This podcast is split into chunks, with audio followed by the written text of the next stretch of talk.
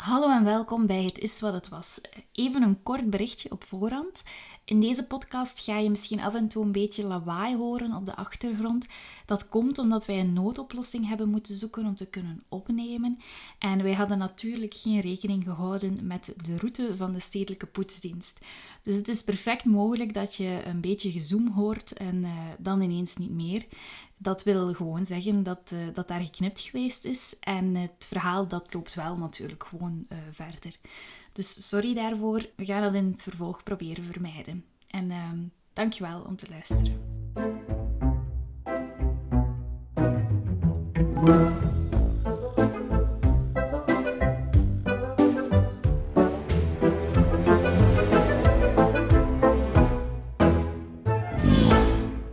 En welkom bij Het is wat het was, een podcast die draait rond cultuurhistorische verhalen, anekdotes en feitjes die proberen verklaren waarom dingen vandaag zo zijn en misschien ook wel waren. Mijn naam is Maaike en bij mij zit Claire Eline, de van oorsprong West-Vlaamse kunsthistorica, over wie Tina Turner in 1988 het album Simply the Best schreef. En Mark, het straft pleitende exportproduct uit de Denderstreek sinds Jeff Vermassen. Oh, wauw. Oh, my. Hoge eer. ik denk dat wij hier ons kraagje een beetje gaan moeten openzetten om duur. Ja, ik kan het niet meer aan. Elke aflevering wordt mijn ego meer en meer gestreeld. Misschien moeten wij eens een speciale aflevering doen voor Maaike dan. Ja. Dat we gewoon Dat wij de 20 doen. minuten Ja. bezig zijn Ja. met... Dat verwacht ik, ja. Of een podcast met Maaike als thema. gewoon. Wanneer ben jij nu weer jarig? Hoef je niet te zeggen. Nee, ga ik niet zeggen voor de luisteraars. Eh, ja, ehm, eh, knip ik dit eruit? Of, of eh, zeggen we dat, eh, dat we dit letterlijk aan één stuk opnemen met de, met de vorige?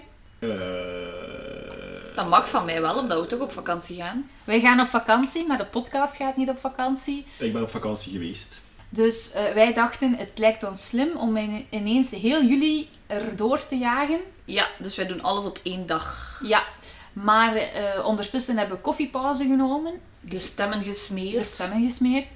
En nu eh, hebben we een iets wat abstracter ehm, onderwerp voor deze podcast, namelijk beeld. Of beeldcultuur, Beeld- beeldtaal. Ja, Beelddinges. Dus visuele toestanden. Geen visuele cultuur. Wij gaan, we gaan, niet het vak van uh, Koenraad Jonkhageren hier eh, herhalen. Spreek voor jezelf. Ik ga het namelijk wel doen. Nee, maar gewoon alles wat te maken heeft met beeld en hoe beeld varieert en wat er belangrijk is in beeld, zeker zoiets Voilà. Ja. Eigenlijk het onderwerp om eh, al pratend, zonder visuele ondersteuning, over te babbelen. Hè. Ja, zal heel goed gaan. Heel Voilà. goed.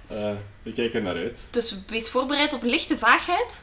het gaat vaag zijn, denk ik. Het gaat abstract zijn en het gaat langdradig zijn. Maar nee. Oh nee, wij Eh, gaan het zo leuk het mogelijk houden. Ik kort, wij kiezen bondig, zelf de thema's, hè. To the point, we houden het grappig, Ah, funny, eh, luchtig.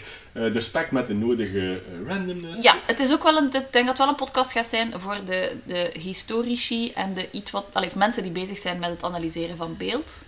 Dus zij gaan misschien daar wel hun mug in Dat vinden. zeggen mensen die geen eh, nachtmerries krijgen bij het, eh, de gedachte aan een zwart vierkant. Ja, Malevic, love you. Zwart vierkant gesproken. Laat ik daar gewoon meteen mee beginnen. Want voor mij ligt een boekje van Bruno Munari. Dat is een, eh, eigenlijk een, een, ja, een kunstfilosoof, zou je kunnen zeggen. Ehm, en die heeft een reeksje gemaakt van drie boekjes. Het zijn heel dunne boekjes. Ik geloof dat ze een gemiddelde hebben van... eh, ja, kijk, er staan al geen pagina's pagina's in.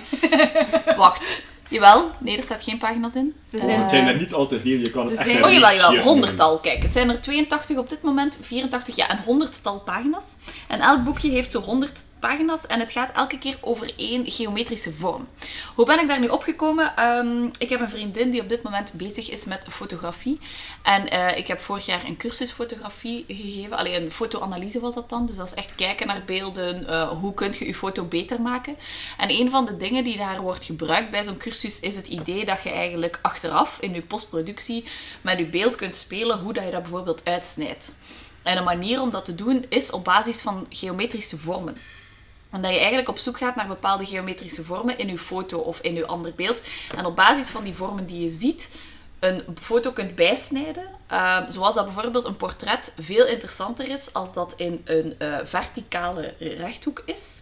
Maar dat het oogpunt van de, degene die geportretteerd wordt eigenlijk boven de middellijn zit. En dat ongeveer de neus of de mond op de middellijn zit van die figuur, dan als dat er net boven is, dan is dat een veel interessanter beeld om naar te kijken.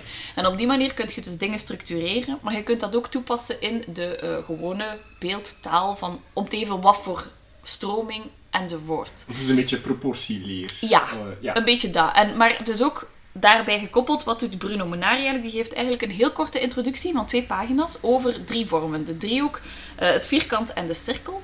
Omdat dat eigenlijk de basisvormen zijn waarbij dat je zo goed als om het even welke structuur kunt maken. Onder andere Leonardo da Vinci was daar ook mee bezig. Herinneren jullie die man die zo met zijn armen en benen open De staat? Vitruvius. man. Ja, de Vitruvius, daar zit een cirkel rond, maar daar zit ook een vierkant in.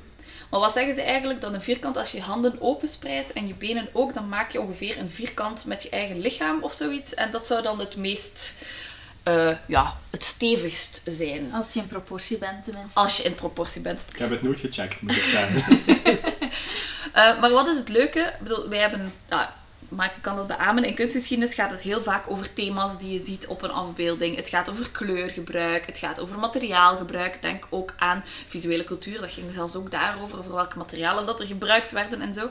Maar het is eigenlijk nooit echt gegaan over abstracte basisstructuren in afbeeldingen. Dus ik ben mij daar een beetje mee beginnen bezighouden. En dat is eigenlijk heel interessant, want er is superveel waar dat je die vormen in terugvindt. Want als je kijkt bijvoorbeeld, ehm, de driehoek is de stevigste vorm die er bestaat. Want bijvoorbeeld, eh, al of de meest stabiele vorm.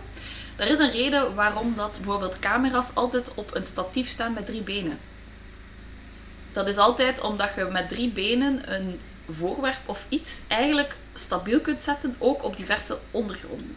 Terwijl als je met vier zit, dan heb je altijd het probleem dat er dat als je verschillende niveaus hebt, dat er meestal één poot niet stabiel gaat staan, waardoor dat je dan zo begint te kwikkelen op je stoel en zo. Mag ik eh, even al eh, vanuit de roddelrubriek een, eh, een vraag Je bent er goed bij vandaag, Maaike. Ehm, is dat daarmee dat ze ook zeggen, ik weet niet hoe het is in Nederland, maar in Vlaanderen, op één been kan een mens niet staan? Komt dat, komt dat uit evenwichtstheorieën of komt Oei, dat geen uit idee. gewoon drankcultuur en we zeggen maar om het even wat? Ik heb geen idee. Ik ken is het spreekwoord zelfs te, niet. te factchecken. Ja. Ik heb het ook nog nooit gehoord, moet Nee. ik zeggen. Oh, heb je de uitdrukking nog nooit gehoord? Nee. Nee? Dus, Ik ook eh, niet. Nee, de Denderstreek eh, het is nog niet uh, Ja, de Eh, veroverd door die, die Op- uitspraak. Ehm, op één been kan een mens niet staan. Eh, eh, komt zeker voor in Willys en Marietten. En Het daarbij, ik kan wel staan cultprogramma. op één been. Wel, dan ben jij een uitzondering. Nee, nee, kan dat? Je kunt niet blind staan op één been, blijkbaar. Ah, dat wist ik Ah niet. nee, want je hebt een, eh, een evenwichts... ehm, Ja. Maar het evenwicht zit toch in je oren? Ja, maar dat moet ook visueel, als je Ja. naar je ogen toe gaat dat niet lukken. Of Oké, straks na de podcast wil ik dat echt proberen. We Ja, gaan nu opname proberen dat, ja. even op één been staan. Absoluut. Ja. Eh, maar waaraan dat je dan nog kunt bede- bedenken als je bijvoorbeeld een gelijkbenige driehoek voorstelt. En je wilt een gelijkbenige driehoek bijvoorbeeld de punt opschuiven naar rechts. Dus dat je eigenlijk geen gelijkbenige driehoek meer krijgt. maar, is of naar links. Dat is niet meer gelijkbenig, dat gaat dus niet. Dus als je eigenlijk een basis hebt, als je, eh, het voorbeeld daaraan was dat mijn wiskundeleerkracht, ook als we het zo hadden over meetkunde, op een moment wees naar het prikbord in de zijkant eh, aan de muur van ons lokaal. En hij zei, dat vierkant, of dat, die rechthoek, je kunt dat eigenlijk scheef trekken tot een trapezium. Moest dat niet zo stevig zijn. Dus dat is een heel moeilijke vorm om eigenlijk gelijk te maken, een rechthoek. En als je dat schuin trekt, dan heb je eigenlijk een trapezium. Dat kun je niet doen met een driehoek. En vaak wordt een driehoek ook gebruikt om... ehm, ik zie mensen hier heel hard fronsen. nee, ik, ik, Oh, shit. ik, ik was, eh, ik was notoir eh gebuist voor wiskunde. Ja, Ah. Ik ook, ik zeker. Denk er maar eens over Waarom na. ben ik naar de ehm. band gegaan, denk je? Ja, daarom. Maar ehm, als, wat dat Bruno Munari dan nog doet, is eigenlijk in zijn boekje, nadat hij een korte uitleg heeft gedaan over wat dat je allemaal kunt doen met driehoeken, verzamelt hij eigenlijk allemaal beelden waar driehoeken in voorkomt. Maar er zit geen structuur in, er zit eigenlijk geen logica in. En hij combineert zowat alles wat dat je maar kunt vinden. Dat gaat over meetkundige principes. Dat gaat over, ehm, bijvoorbeeld nu zegt hij, ja, als je kijkt naar een komkommer, dan is dat ook gestructureerd in driehoeken. Want de zaadjes van een komkommer zitten in het midden zo in driehoeken. Ehm, Ah. ja, hetzelfde met een kristal is gestructureerd op basis van driehoeken. Dus de basismoleculen van een kristal zijn driehoeken. Maal zoveel, dan wordt dat een zeshoek, dan wordt dat enzovoort en zo verder. Een sneeuwvlok heeft ook dezelfde structuur en zo. Dus dat is eigenlijk op basis daarvan, als je dan zo wat begint te kijken, dan zie je overal zowel meer ja, geometrische vorm. Ja, driehoeken ook. Bijvoorbeeld het vierkant, wat doet hij daar? Het zwart vierkant van Malevich zit er niet in. Maar wat zit er wel in? Bijvoorbeeld wiskundige raadsels op basis van vierhoeken. Bijvoorbeeld dat het Chinees, eh, Chinese schrift gebaseerd is op, de vier- op het vierkant, echt. Omdat het vierkant gezien wordt als een van de meest stabiele... allee, de, de, de, de sterkste. Dus niet stabiel, want de driehoek is stabiel. Het vierkant is een van de sterkste, staat gelijk aan de mens, zo gezegd. En werd onder andere gebruikt bij de Griekse grondplannen. Dat is ook gegroeid uit het vierkant enzovoort. En dat wordt zo wat gezien als het aardse. Zo, ah, we staan op de grond. Cool. Het mannelijke. Ja, het mannelijke. Terwijl dat een driehoek het vrouwelijke is. Ma mag ik even tussendoor? Ik knip dit eruit, geen probleem. Ehm, maar ehm, ik, een, een tijdje geleden eh, zei ik tegen, tegen mijn wederhelft, zei ik, eh, ehm, eh, dat klinkt voor mij als die kleur. Ja, voilà. Ehm, en ik ben er eigenlijk achter gekomen eh, in de coronaperiode dat ik eh, beschik over een bepaalde vorm toch van synesthesie. En ik heb dat ook met vormen. Synesthesie. Het eh, vermengen van zintuigelijke waarden. Als ik muziek hoor, dan zie ik daar vormen en kleuren bij. Cool. Dus voor mij, ehm, ik, ik bedoel dat ook als ik zeg dat een vierkant mannelijk is, een cirkel is voor mij vrouwelijk, Ja. dan, dan Voilà. zie ik dat ook zo in mijn hoofd. Maar dat is ook effectief bij steekproeven zo bevestigd. Ja, maar Ja, jij, en ik moeten daar drugs voor nemen en Maaike kan het zonder. Ik vind dat echt een... eh, ja, ik ben daarachter gekomen in de coronaperiode. Dat is zot. Ja. Amai. Ja, wel, want dat zegt hij ook van, als je daar dan naar verder onderzoek doet en je kijkt zo naar... Allee, het is altijd met een... Er is veel marge hè, op dat- soort zaken. Het is voor een stuk ook interpretatie. Maar dat is ook wat ik gewoon algemeen als kunsthistorica zo interessant vind. Om bepaalde zaken vanuit een ander ooghoek eens te bekijken. Dus zo vanuit die vormen ook. Zoals dat de cirkel, hierin bijvoorbeeld, zegt hij ook van de cirkel is eigenlijk hetgeen dat je verbonden wordt met het goddelijke. Denk aan de halo's en zo, die, die aureolen Ja, en die ze hebben. ook De zonnebanen, eh, maar ja, de, en zo, ehm, alles wat beweegt is eigenlijk in een cirkel. De na- meest natuurlijke vorm van beweging is een cirkel. Al toch als je één allee, versnelling of zo, of alles Of een draait. lijn van iets naar iets. Als je geblind Ja, maar dan is het niet meer repetitief en dan wil dat Ah, zeggen dat er iets moet starten en er moet ook iets stoppen. Terwijl dan een cirkel kan blijven draaien in Ja, principe zonder dat er eigenlijk iets aan wordt toegepast. Als je geblinddoekt bent en je wordt in een veld losgelaten, dan ga je na verloop van tijd ook in Ja. een cirkel... eh, Ja, klopt. Op dezelfde manier dat bijvoorbeeld ehm zeepbellen automatisch in cirkels zijn, dat steekt hij hier ook in. Dus het gaat echt zo over filosofisch dingen, maar zo heel random shizzle ook. Is dat niet omdat een bellenblazer rond is? Nee, gewoon als je zeep maakt in je hand, zijn dat ook ronde. Ah, ja, zo. Ik dacht van, tja, een bellenblazer is rond, dus het Je kunt toch geen- daar rond... Kubusvormige bellen. Nee, dat gaat niet. Ja, of bijvoorbeeld als je een steen smijt in water, dat zijn ook altijd concentrische cirkels.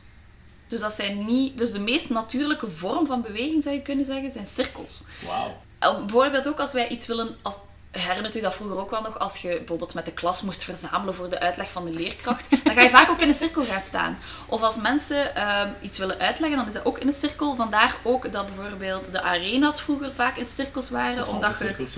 Heeft Ehm, ook met geluid te maken. het heeft dat met dat geluid te maken. Het lijkt ook gewoon Ehm, praktisch als je een, een, een concert organiseert en iedereen moet op één lange rij Ja, voilà. voor het podium staan, lijkt me niet zo, eh, niet zo heel praktisch. Ook bijvoorbeeld in, bij eh, oude culturen, bij zo aboriginals en zo, doen ze vaak hun dansen ook in cirkels. Dus dat heeft een verbindende functie en wordt heel vaak verbonden met rituelen. Dat je eigenlijk heel vaak in cirkels dingen gaat Zo uitvoeren. rond een, een totempaal. Ja, rond het totempaal of rond het vuur of zo. Ehm, ook in onze kerken, als je kijkt naar eh, het meest goddelijke element van de kerk, is eigenlijk waar dat het altaar staat. Daarboven heb je vaak zo'n rozas, een ronde... Terwijl de alle andere ramen zijn eigenlijk rechthoek. Allee, Ik dacht recht. dat je de, de hostie ging aanhalen. maar Dat ook, dat ook. Ja, en op dat manier vind ik dat eigenlijk heel interessant om mee bezig te zijn. Want wat dat hij bijvoorbeeld ook zegt, is dat er een reden is waarom dat onze borden rond zijn. Omdat cirkel blijkbaar de gemakkelijkst te organiseren vorm is, omdat mensen bij vierkanten bijvoorbeeld de neiging hebben om dan een vierkant bord parallel te zetten aan hun tafel. Maar als je met meerdere mensen aan een vierkante tafel wilt of aan een ronde tafel en je hebt een vierkant bord, dan gaat dat niet om te structureren. En er zijn heel veel mensen die dat ervaren als chaos. Ronde tafels, nee. Maar zelfs Nee. vierkante tafels en je legt daar een vierkant bord op en dat loopt niet helemaal parallel met een, met een bepaalde lijn, gaan mensen dat visueel ervaren Ja. als chaos. Dat is gelijk met kaders die Ja. scheef hangen. Mensen kunnen dat niet aan. Terwijl met een cirkel heb je dat probleem niet. Ik vind ook, als, als je in een restaurant gaat en serveren en eten op vierkante borden, een restaurant is niet te vertrouwen. Dat is Eh, toch super A vreemd? priori, ja. Nee. Eten serveer je op een rond bord, punt andere lijn. Dat is gelijk dat wij vroeger vierkante glazen hadden bij ons thuis. En dat ik mij ook altijd afvroeg, ja, maar hoe moet ik hier nu uit drinken? Want als je aan de platte kant drinkt, dan loopt alles langs je mond, want dat wordt daar niet gecentreerd. En als je op de hoek drinkt, ja, dan heb je bijna geen water in je Enkel mond. goed voor whisky. Nee, voilà. En dus cirkels, veel gemakkelijker in bepaalde... Mike is het er niet mee eens, Nee, blijkbaar. nee, eh, nee, ronde glazen voor whisky. Ja. Ah, oké. Oké, maar als het iets is dat misschien aanvaardbaar is in uitzonderlijke omstandigheden ja. in een vierkant glas, dan is het toch wel whisky. Eh bloedsinaasappelsap. Lijkt mij gezellig. Uit een vierkant glas. Ja. Oké. Oké. Eh, ik weet het dus, ik weet. Ik weet alleszins, ik ga nooit op dezelfde manier naar komkommers eh, kijken. Eh, zeker niet als ik er iets snij. Ik, ik ga de proef besom nemen, ik heb het nooit gezien tot nu toe, maar... Moet er eens op letten. Ah, maar dat is dus wat ik ook wou zeggen.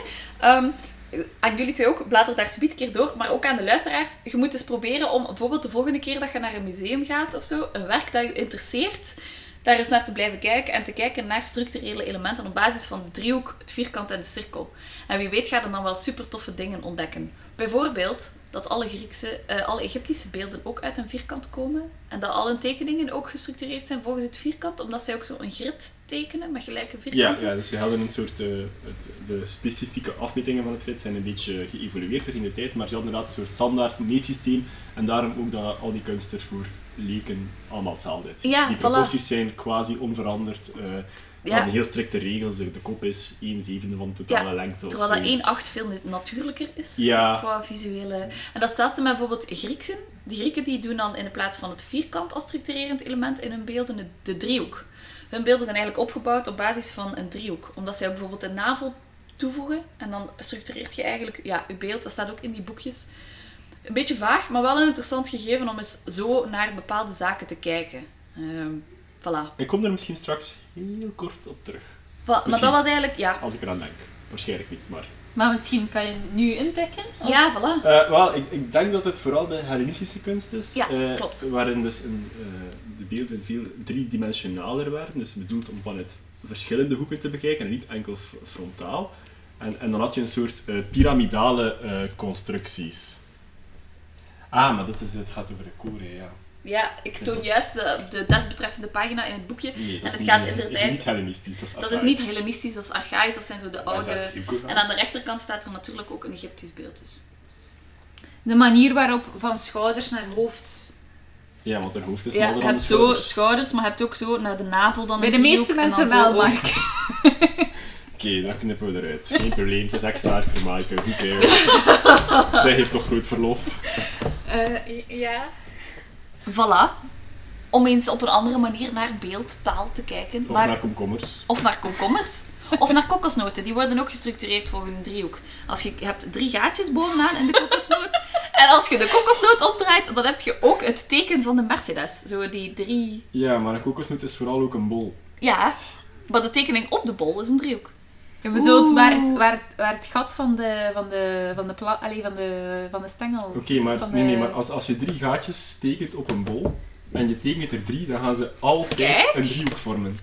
Ja, maar je kan, als ik een bol maak, en ik moet drie gaatjes tekenen, gelijk waar ik ze plaats, ze gaan toch een driehoek vormen? Ja, nee? maar het gaat erover dat dat natuurlijk voorkomt in de natuur. Omdat het er drie zijn. Ja. Moesten het vier Aan gaatjes zijn, want het was achterkant, een, kijk, het was een trapezium. Ik denk dat het een aflevering wordt met veel beeldmateriaal. Ja. Denk Via. Instagram. Eh, op Instagram ga je, ga, je, ga je het wel vinden. Ja, Kokosnoten en eh, komkommers. Mark, take it away. Ja, eh, ik ga eh, iets helemaal anders en toch hetzelfde doen. Dus wat dat mij eh, interesseert, veel dingen interesseren mij, maar wat mij interesseerde toen ik eh, aan het onderwerp eh, dacht, is een beetje de, de golven van de geschiedenis waarop we meevaren en waarin de mensheid eh, teruggrijpt naar meer realisme in hun kunst of net minder, meer abstractie. En dus veel mensen denken met abstracte kunst aan, aan de ja, vrij moderne tot actuele kunst, of conceptuele kunst is dan een beetje het, het verder zetten van abstracte kunst. Maar eigenlijk is dat een tendens, het op en neer gaan, dat al veel, veel, veel langer bezig is. Het is zelfs zo, de allereerste kunst eh, was abstract. Eh, als eh, de Neandertalers of zelfs de eh, Homo africanensis, of hoe dat die mensen ook heten, eh mij boeit het eerlijk gezegd niet, ik kan het, ik kan het amper mensen noemen, en bezig waren met van stenen eh, werktuigen dan moesten ze zich dat verbeelden in hun geest. En ze moesten zich een abstract idee voorhalen van een hamer. Hè, van, hmm, misschien is het efficiënter als we die steen plat maken om daarmee te kloppen. En Eureka, daar kwam het eerste object, de hamer. Maar goed, we slaan eh, die generaties even over. We gaan eh, naar eh, Griekenland, meer bepaald Cycladische eilanden, waar, die bekend zijn voor de Cycladische kunst. Ja, ja. En dat zijn een, een heel groot aantal marmeren beeldjes. die mooi. zeer abstracte, heel mooi vinden we nu. Eh, die abstracte eh, menselijke figuren voorstellen. Ze, ze worden vaak goden of godinnen genoemd, maar het zijn waarschijnlijk eh, Dat zijn die mensen. met een plat gezicht, maar wel met een neus. Ja, een plat gezicht, soms een neus. Ja. ze hebben ook heel duidelijk herkenbare ledematen, armen, maar dus geen vingers of tenen, geen musculatuur. Het is echt wel zeer abstract. Het zijn idooltjes. Je vindt ze ook in, in Anatolië, in, in Turkije en, en iets eronder in Syrië. Vind je varianten die erop lijken, maar toch net iets anders zijn. Eh, maar dus zij werden gevonden in de 18e en 19e eeuw en eh, toen was eh, Europa iets minder ruimdenkend. We zaten toen in een fase van de kunstgeschiedenis die heel hard into realisme was. Vooral onder invloed van de Franse Académie des Beaux-Arts. De academische kunst noemt men die stroom ook wel. Het moest zo realistisch mogelijk zijn, heel veel oog voor detail, maar dan eh, met ook bijbelse thema's, metaforische thema's. Bon, het moest pompeus zijn, gedetailleerd, groots en vooral niet abstract. En dus die Cycladische kunst, als die eerst werd ontdekt, men vond dat rommel. Echt primitieve brol en pff, die gasten, oké, het is 5000 jaar oud, maar konden ze echt niet beter dan Ja, dit. Eh, nu goed, eh, times they are changing en eh, X, ah, het de academie aan belang had ingebloed, onder andere onder invloed van de impressionisten en, en later ook de eerste abstracte kunstenaars, werd het esthetisch ideaal van, van het uh, Cycladische kunst herontdekt. En sindsdien zijn die beeldjes razend populair bij musea en verzamelaars en ook het brede publiek. En worden zij ook massaal nagemaakt. Zijn er heel veel illegaal opgegraven in de Cycladische eilanden. Bon, dan zie je maar hoe dat, dat kan keren. Ook te zien in het Louvre, als ik me niet vergis. Ongetwijfeld. Eh, je moet zelfs zo ver niet gaan. Ik denk dat er in Brussel ook wel een aantal Ah. zijn. Eh, je kan ze ook kopen eh, op de zavel bij meerdere handelaars. Niet te vertrouwen in 9 van de 10 gevallen, maar als je dat echt wilt, dat kan. Als we geld over hebben, hè. Het kost ook vrij veel geld. Voilà. Maar goed, daar wil ik het eigenlijk niet, niet echt over hebben. We gaan even terug naar de klassieke Griekse kunst. Want dat was een eerste echte zoektocht naar het perfect voorstellen, Ja. superrealistisch van een, van een menselijk lichaam. En dat eh, was een objectief eh, dat in fases eh, bereikt werd. Eerst door de archaïsche kunst van Egyptenaren heel veel over te nemen, maar het toch iets menselijker te maken, iets realistischer. En dat evolueerde dan traag maar gestaag. maar het de mijlpaal is de jongen van Critios. Mm. Een, een, een bekend beeld, niet super groot, niet op levensgrote schaal. Maar het is de eerste keer dat een, een menselijk lichaam in volmaakt realisme eh, wordt voorgesteld. Elke, Ja, elke spier, plooi, eh, huidplooi klopt, eh, de positie is natuurlijk, alles is daar perfect aan. En veel mensen denken dan dat de Griekse en Romeinse kunst daar eigenlijk eeuwenlang op verder geborduurd heeft, maar dat is eigenlijk niet waar. Want de Grieken hebben ongeveer een 30 eh, jaar later, waren ze het al beu om die perfect volmaakte beelden te maken, en zijn ze daarmee gestopt. Men is beginnen om de, de menselijkheid eh, te overdrijven. Mhm. De spieren werden eh, te, eh, zeker in een, een tijdperk waarin van doping nog weinig tot geen sprake was. Je kunt u daar echt wel zo de hedendaagse fitnessboy bij voorstellen, Ja. hè? die gewoon te veel uren in de Inderdaad, zo, zo te afgeleide lichamen, Ja. ruggen, plooien zo in het midden van je rug, die te diep zijn, Ja. is niet logisch. Ja. Verhoudingen die niet echt meer kloppen, maar het valt eigenlijk niet op, want het is iets dat meer menselijk dan, dan menselijk is. More human than human. En bij beelden van amper 30 jaar na de Critios Boy eh, zie je dat eigenlijk al terugkeert, die tendens. Eh, dus, en dan heb je daarna de eh, Hellenistische kunst, waarin met overdreven veel emotie op de gezichten vaak wordt afgebeeld. En je hebt een heel beroemd beeld van een oude bedelende vrouw of een zatte vrouw. Eh, je hebt zo'n jongetje dat met een gans speelt, met zo van die Oh. dat babyvet. Maar het is Ja. allemaal zo net iets Ja, klopt. overdreven, maar iedereen eh, herkent het wel meteen. Oh, dat is wel levensecht. Dat is echt zo... Oh. Het is levensecht, maar het is echter dan levensecht. Het is, het is Ja. te echt. Ja. Oh. En de Romeinen die eigenlijk net hetzelfde, maar eh, op een andere manier. Dus zij uh, portretteerden zichzelf in de republikeinse periode en men ging dan hun eigen gebreken overdreven in de verf zetten. Uh, Gezichten met te veel rimpels, frotten à volonté. Het was herkenbaar, het was realistisch, maar het was niet hoe zij er echt uitzagen. Het was meer om een ideaal in de verf te zetten van uh, ja, geen ijdelheid. Besturen uh, draait om ervaring en om wijsheid en, en, niet ja. om er knap uitzien. Veristisch. Ja, en dat is dan natuurlijk helemaal veranderd met keizer Augustus, dan terugging naar dat Griekse ja. uh, idealistische ideaalbeeld. Maar dus dan de eeuwen gaan voort, de, de ambachtslieden moeten af en toe niet op oorlog. Er zijn meer en meer oorlogen, invallen van de barbaren. Ze hebben net iets minder tijd om te oefenen met hun bijtelwerk. En in de derde, vierde eeuw na Christus uh, zie je toch een merkbare achteruitgang in de kwaliteit uh, ja. van de uh, Romeinse beelden. ze zijn een beetje karikaturaal, de verhoudingen kloppen niet, de gezichten zijn zo... Het wordt enorm uitvergroot, hè? Ja, Nog net iets te expressief, de Ja. ogen zijn te groot vaak. En dan met de opkomst van het christendom is dat een, een zeer interessant vraagstuk. Want men denkt, het christendom had ook een traditie om vooral niet te realistisch af te beelden. Uh, men, men, gebruikte vaak beeldtaal, uh, kruisbeelden, onder andere de halo. Uh, christelijke ja. afbeeldingen, vooral in de middeleeuwen, zijn zeer, ze lijken op een, een strippenboek bijna. En dan is de vraag, dat is een debat dat al heel lang moet, is het omdat ze niet beter konden, of is het een doelbewuste keuze geweest en heeft die ervoor gezorgd dat ze na verloop van tijd niet beter meer konden? Ja, dus stel, maar dat is zo de eeuwige vraag hè, met de middeleeuwse kunst, of dat Ja. daar nu een achteruitgang is op wat dat er daarvoor is geweest, of dat dat een, een nieuwe keuze is in de kunstrichtingen, zoals dat je Ja. later ook alle de nieuwe stromingen Nee, achteruitgang is, is een waardeoordeel, eh, daar doen wij hier natuurlijk niet aan mee. Wij staan daar eh, ver, ver, ver boven. Voilà. Oei, oei, oei. Maar dus de, de vraag is, men had eh, ongetwijfeld minder tijd en minder geld om te investeren in, in grote kunstwerken. Het Rijk stond onder druk en tegelijk was er dat opkomende christendom. En dan is de vraag, is het door het christendom dat men gezegd heeft, we laten die traditie achter ons om realistisch te zijn? Of is het eerder van, we kunnen niet beter, dus we beginnen maar met iets nieuws? En waarschijnlijk hebben die twee processen elkaar eh, versterkt. Nu, het christendom eh, beriep zich dus op een soort meer eh, karikaturale, eh, tweedimensionale, stripachtige afbeelding van de mens om zich eh, te profileren ten opzichte van de kunst daarvoor. Dus samenvattend kunnen we zeker besluiten dat de christelijke traditie samen met de toch wel teleurgang van de klassieke Romeinse beeldhouwkunst en de historische realiteit van die periode, het was gewoon, men had andere dingen aan zijn hoofd dan, dan kunst, eh, ervoor gezorgd heeft dat de, de kunst van toen toch iets of wat abstracter is geworden. Eh, zeker in vergelijking met de, de voorgaande hoogtepunt of glorieperiode tussen aanhalingstekens, want again, geen waardeoordeel. Eh, maar wat ik dan ook interessant vind, als we even gaan kijken naar de islam, hè, 7 eeuw na Christus, zij stonden eigenlijk voor een, een vergelijkbaar probleem. Eh, zij hadden ook plots religieuze schroom om, om mensen en, en zaken realistisch af te beelden. En zij hebben daar hetzelfde probleem, maar ze hebben dat op een heel andere manier opgelost eh, dan, dan in de christelijke middeleeuwse traditie het geval was. Dus de christenen gingen terug naar, naar eh, tweedimensionale weergaven, karikaturaal, zo herkenbaar, maar, maar niet echt realistisch.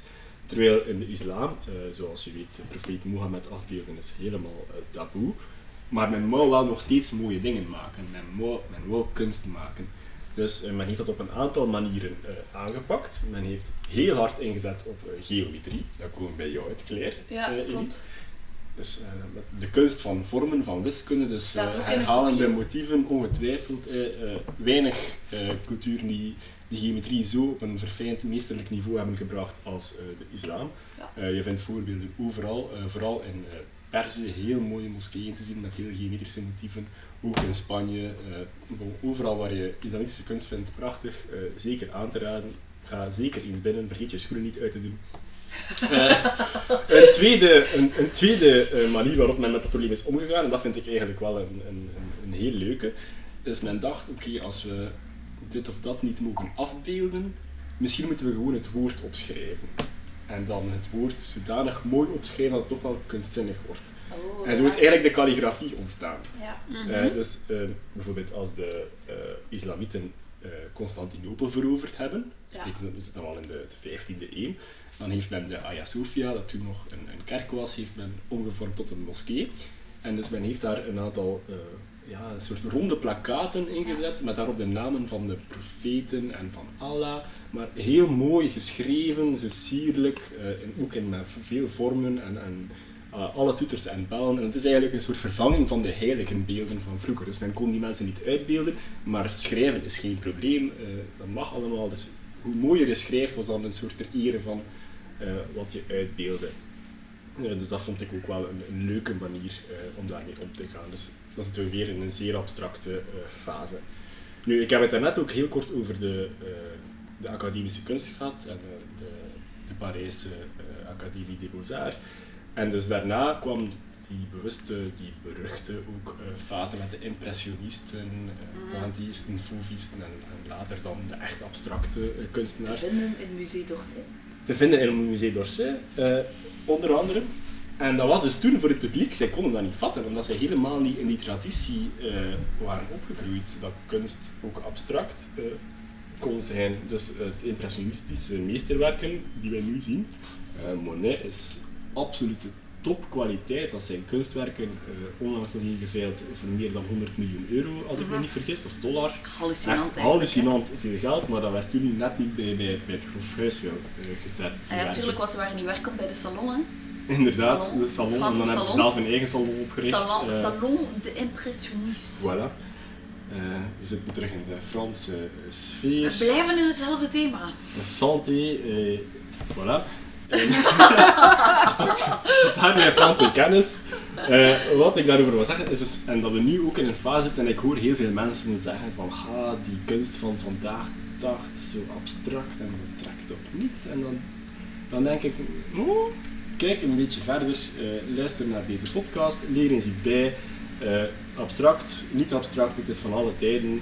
Ooit zullen we wel weer terug realistische dingen maken, vermoed ik. Waarschijnlijk. Waarschijnlijk ben ik er nog, ben ik er niet meer, wie zal het zeggen? Ik alleszins niet. Eh bon, we weten niet, het is in een golven. Het is geen lijn van figuratief naar abstract of terug. Het is een, een golfbeweging. En eh, wie weet waar we momenteel zitten. Het is een raadsel voor iedereen. En daarmee ben ik eigenlijk uitgepraat. Wel interessant eigenlijk, hè? want dat is weer zo eens een andere manier om te kijken naar, naar eh, ja, wat ons, ja, ons beeldtaal en ons, ons vakgebied. Om het De golven van het beeld. Het wat? Vermogen. Beeld van wauw. Ik had een verkeerd lidwoord Ja, wel, dat is goed zo. Maar je was wel committed. Je bent erbij gebleven. Ja, inderdaad. Van de uiting van ehm, beeldende excessen. Ja, ik zou gaan voor de golven van de abstractie of zoiets. Maar kijk, eh, dat ben ik dan. Hou het simpel, Ja. weet je. Ga het niet te ver zoeken. Levenstips van Mark. Jou. altijd leuk. Ehm, ja, dan rest, rest mij nog zeker om iets te Ik zeggen denk over het, hè. beeld. Ja. Eh, ik, heb, Welke roddels krijgen we vandaag, Maaike? ik heb hier wat anarchistisch gedaan. Ik, eh, ik, ik, eh, ik dacht, ik heb eigenlijk weinig te vertellen over beeld aan zich. Dus ik zou het graag hebben over beeldspraak. Aha. Dus we gaan eigenlijk... eh, Ook gaan- een kunstvorm, hè, taal? Want we hebben het daarnet al over calligrafie gehad en Ja. over beeld. En iets meer geschikt voor het eh, auditieve medium. Oh ja, absoluut. absoluut. Inderdaad. Heel veel van de gezegdes en spreekwoorden die wij vandaag de dag gebruiken, die als je ernaar gaat kijken, dan... Ja, eh, aan zich begrijpen we dat meestal niet, wat daarmee mee bedoeld wordt. Ja. Omdat daar een bepaald soort context aan voor is gegaan, die belangrijk is om het ontstaan ervan te begrijpen. Veel gezegdes en spreekwoorden zijn ook christelijk geïnspireerd. Ehm, bijvoorbeeld Abraham gezien hebben. Ken ik totaal niet, sorry. Ik Nee? heb het ook nog nooit Nee. gehoord, maar ik weet wel wie Abraham is. Ik heb hem nooit gezien ook. Abraham is toch een van de... Denk ik. Dat is logisch dat jij Abraham nog nooit gezien hebt, want jij bent jonger, jij bent een man en je bent jonger dan 50. Abraham gezien hebben wil zeggen dat je een man bent die 50 geworden is. Ah, Jaar, wel. hè? Aha, en wat dat heeft te maken met Abraham omdat... Omdat er in de Bijbel wordt er gezegd, ehm, eh, je bent nog zo jong en je hebt Abraham al gezien. Dus je bent nog zo jong, maar je bent wel al 50. Eh, ja, maar er wordt zo, zoiets gezegd in de Bijbel van, van eh, je- je moet ervaring hebben enzovoort om Abraham gezien te Ah, hebben. ja. En dan is dat een heel, eh, heel spel. Eh, Advocaat van de duivel spelen is ook zo eentje, um, eh, zeer voor de hand liggende redenen. Een goede buur is beter dan een verre vriend, komt uit Spreuken ehm 27:10. Ik ben eens ver- vergeten hoe dat je... Is dat vers 7? Nee. Eh, hoofdstuk zeven- of 27. Boek 27, vers... eh, Eh, ja, ik geval. ga dat factchecken en het is lang geleden. Wat ook heel veel voorkomt, zijn gewoon uit het Latijn vertaalde spreekwoorden die dan in de middeleeuwen of in de vroegmoderne tijd in een volkstaal werden gebruikt. En zo zijn er een heel aantal, maar er zijn er ook een aantal die toen ter tijd gewoon ontstaan zijn door historische context en factoren. En dat zijn diegenen die we gaan bespreken. Ik had enthousiasme. Ehm, ik heb jullie laten, eh, laten aanduiden wat jullie interessant vonden, maar ehm, ik ga eerst even... Geld stinkt niet. Dat is iets voor Mark. Dus je gaat iets anders kiezen. Ja, ik ga iets anders kiezen. Waarom weer, vraag je onze mening? dat is weer dat anarchisme. Ja. Geld stinkt niet. Weet jij waar dat vandaan komt? Eh, ja, Ja, het is eh, keizer, ik geloof, eh, Domitianus. Vespasianus. Vespasianus, eh, en zijn zoon is Domitianus en Titus. Een van wat uh, Titus. keizers droppen zo. Net hop. helaas. Ik kan dat niet knippen. Bon, anyway, dus een, een, een Flavische keizer, eh, ik had het Ja. met hem, die wou eh, een beetje extra geld in de kas. eh zoals Ja. het vaak gaat, was het geld allemaal op. Eh, en hij had daarvoor een belasting op eh, urineren ingevoerd. Wat? Een belasting op urineren. Ja, dus een soort urinetax. Wel, dat was ook de reactie van zijn zoon, Domitianus. Die zei, papa, zijn jij niet compleet geschift geworden? Het is een Titus. tax, of dat is zijn andere zoon, dat zijn twee broers als ik me niet vergis. Ja, Oké, dus ja.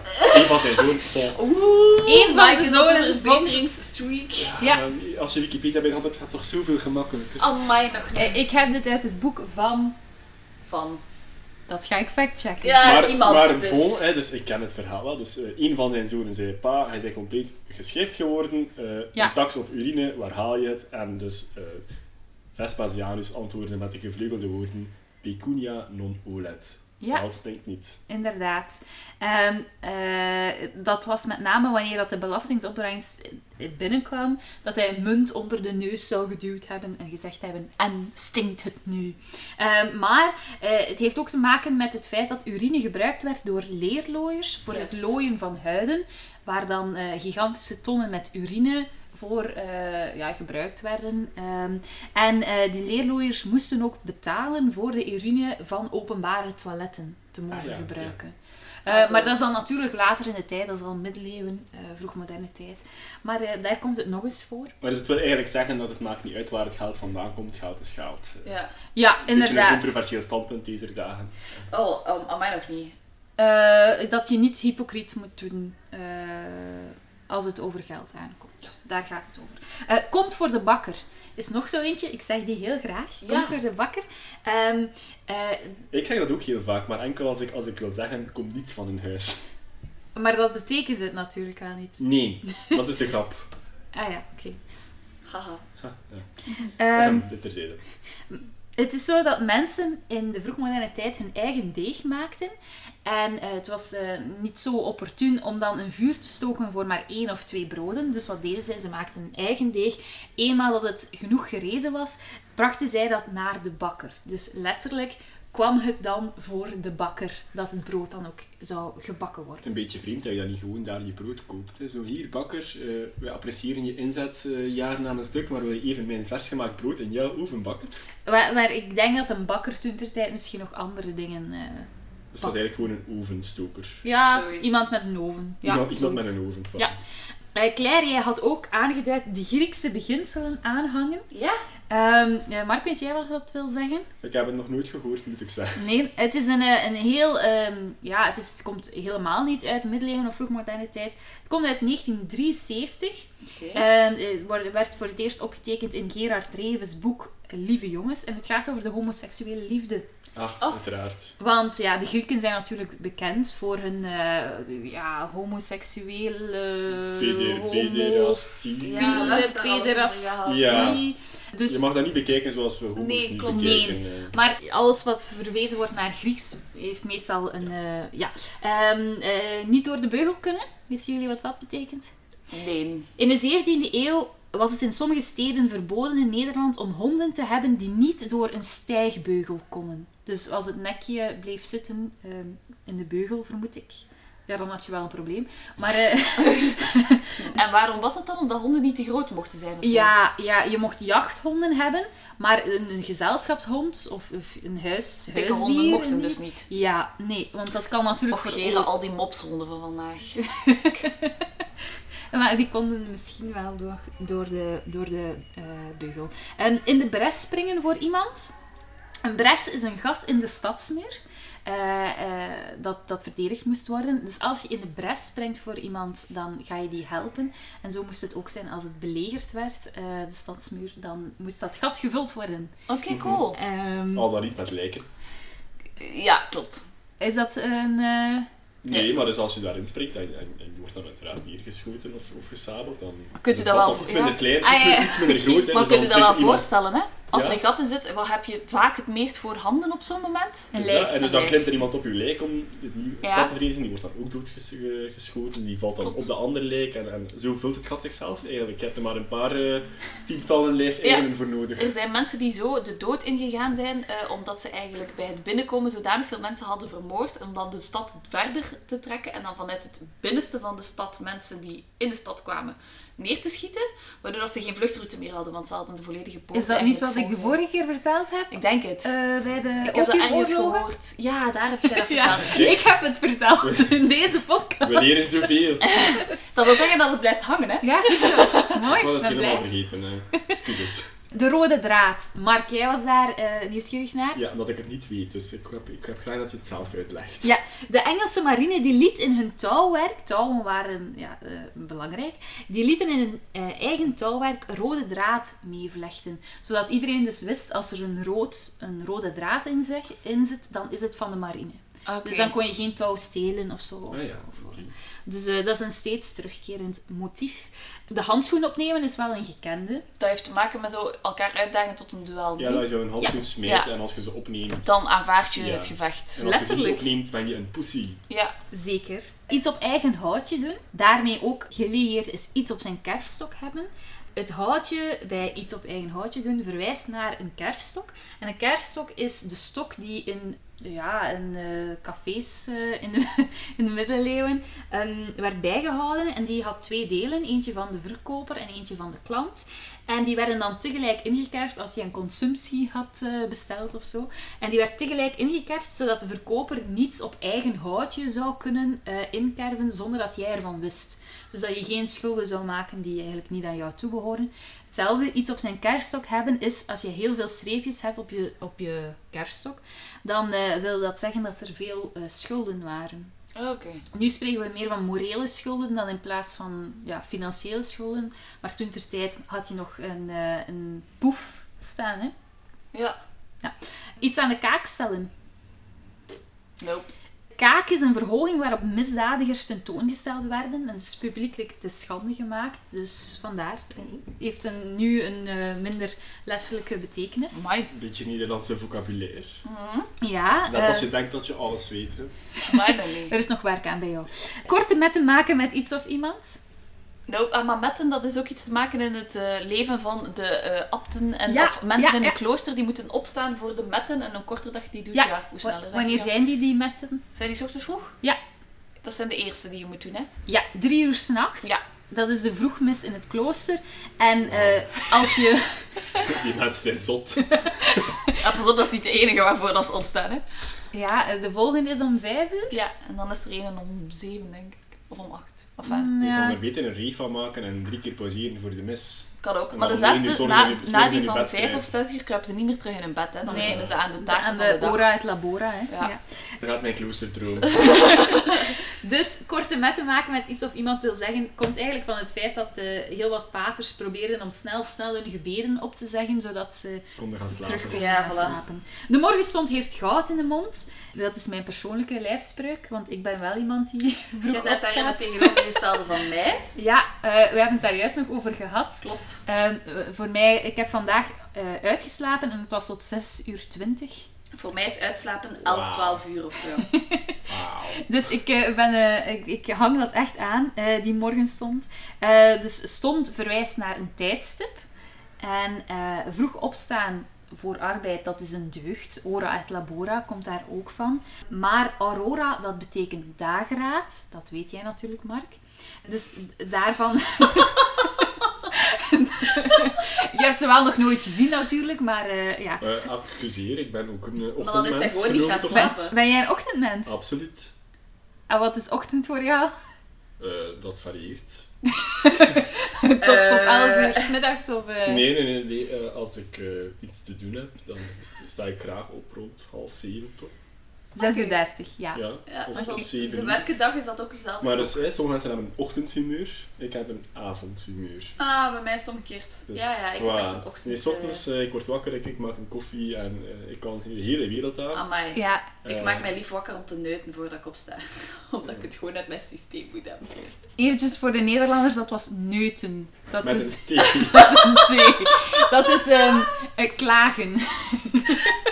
Ik, ik, ik zag hem al aankomen en ik dacht, Ja, ik, Dat ik- gaan ze ik- niet ik- begrijpen. Ik, had het ook eh, Dat is de Gentse eh, versie van klagen. verkeerd gehoord en ik dacht ook meteen aan onze Nederlandse eh, Ja. fanbase. Sorry.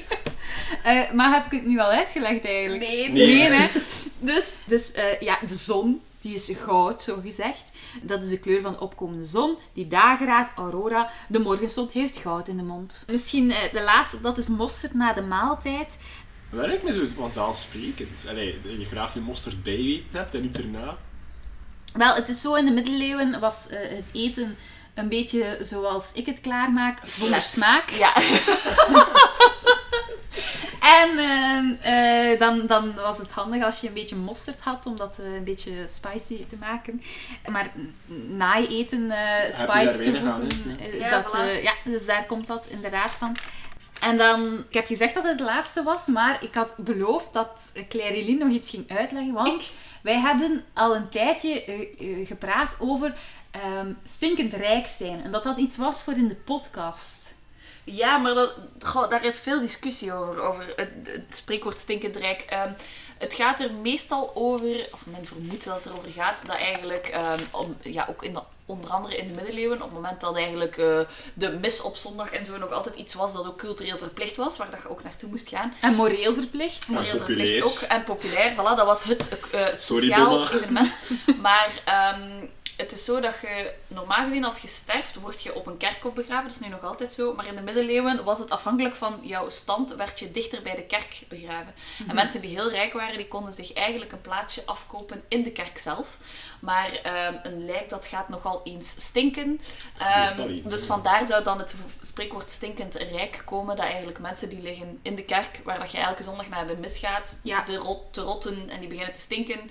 Maar mensen die rijk zijn, stinken dus. Ja. Maar een andere eh, link die daar wordt mee gemaakt is onder andere het gebrek aan hygiëne in onder andere het Franse Hof van Louis XIV en zo, waarbij dan mensen eigenlijk heel vaak parfums spoten In om plaats van een geurtjes. douche, ja. Ja, die namen geen douche omdat zij gebruikten make-up. Witmakende make-up, eh, van die hoge pruiken. Maar een pruik kun je niet wassen. Of toen toch nog niet. Ondertussen doe je dat naar de droogkuis als je dat wilt wassen. Maar toen wisten ze dat nog niet hoe dat ze dat moesten doen. Dus dat werd niet gewassen, die pruik.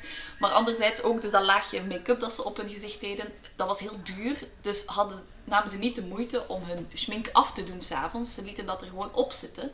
Ehm, gedurende, ja, totdat het eraf ging. En dan werkten ze het bij. En eigenlijk zou daar onder andere ook het stinkend rijk van komen. Omdat mensen eigenlijk gewoon...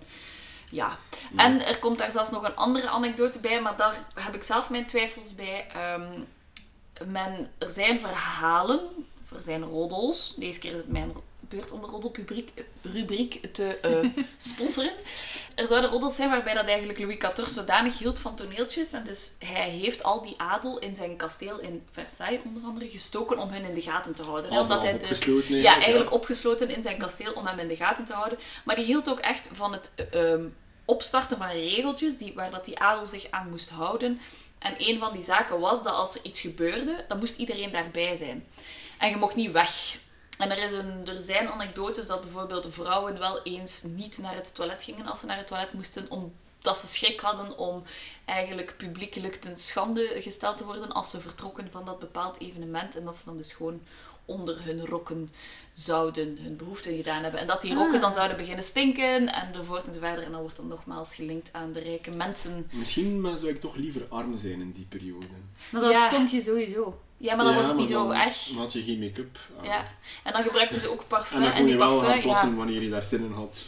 Het is een beetje zoals ehm, eh, van die luchtverfrissers in auto's. Oh ja, vreselijk. Zo van die dennenappeltjes. Ik doe het niet Oh. aan mee, mijn auto stinkt gewoon naar mij. Ja, hetzelfde bij ons. Een beetje muf, omdat hij lang heeft stilgestaan. Maar ik kreeg wel voor kerst zo van die arbre magique, heet dat.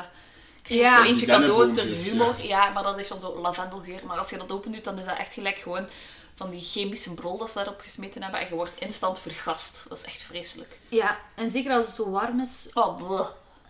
We gingen nu ook onze, onze auto kuisen. Dat is een andere anekdote. We gingen onze auto kuisen en we dachten daar een plantenspuit voor te gebruiken om de zetels te bevochtigen en te kuisen. En de enige plantenspuit die in huis was, was één die gevuld was met Dettol. Naar aanleiding van de crisis en zo, om alles te kuisen. Maar dat heeft een heel straffe geur. We hebben er een halve zetel mee gedaan en we hebben gestopt omdat het gewoon niet ging. En ondertussen ruikt onze auto er nog altijd naar, helaas. Ja. Nee, vandaar stinkend rijk. Wij- Ik ben niet stinkend rijk. Dat- Ik ook niet. La- laat Mark is alleen stinkend. Ik stink gewoon. Goed, me- me- merci om het eh, te vertellen. Voilà. Ja, wij hebben geen eh, eh, eh, facts en checks voor deze... Nee, Want dat, dat, dat moet nog gebeuren. Voilà. Ik ga me daarmee bezighouden. Eh dat was de podcast voor deze week. Ja, hou zeker de Instagram in de gaten voor extra beeldmateriaal. Daar komen wij met allerlei, onder andere de Kritios-knaap of de voorbeelden uit de boekjes van Munari en dergelijke. Volg ons dus op Facebook of Instagram bij de Het is wat het was pagina's. Abonneer via Spotify, Apple of Google Podcasts.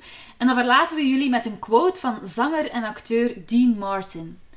Er bestaat een wassenbeeld van Jimmy Stewart in het Hollywood Wax Museum en het praat beter dan hij zelf doet. Dankjewel om te luisteren. Bye bye. Bye bye!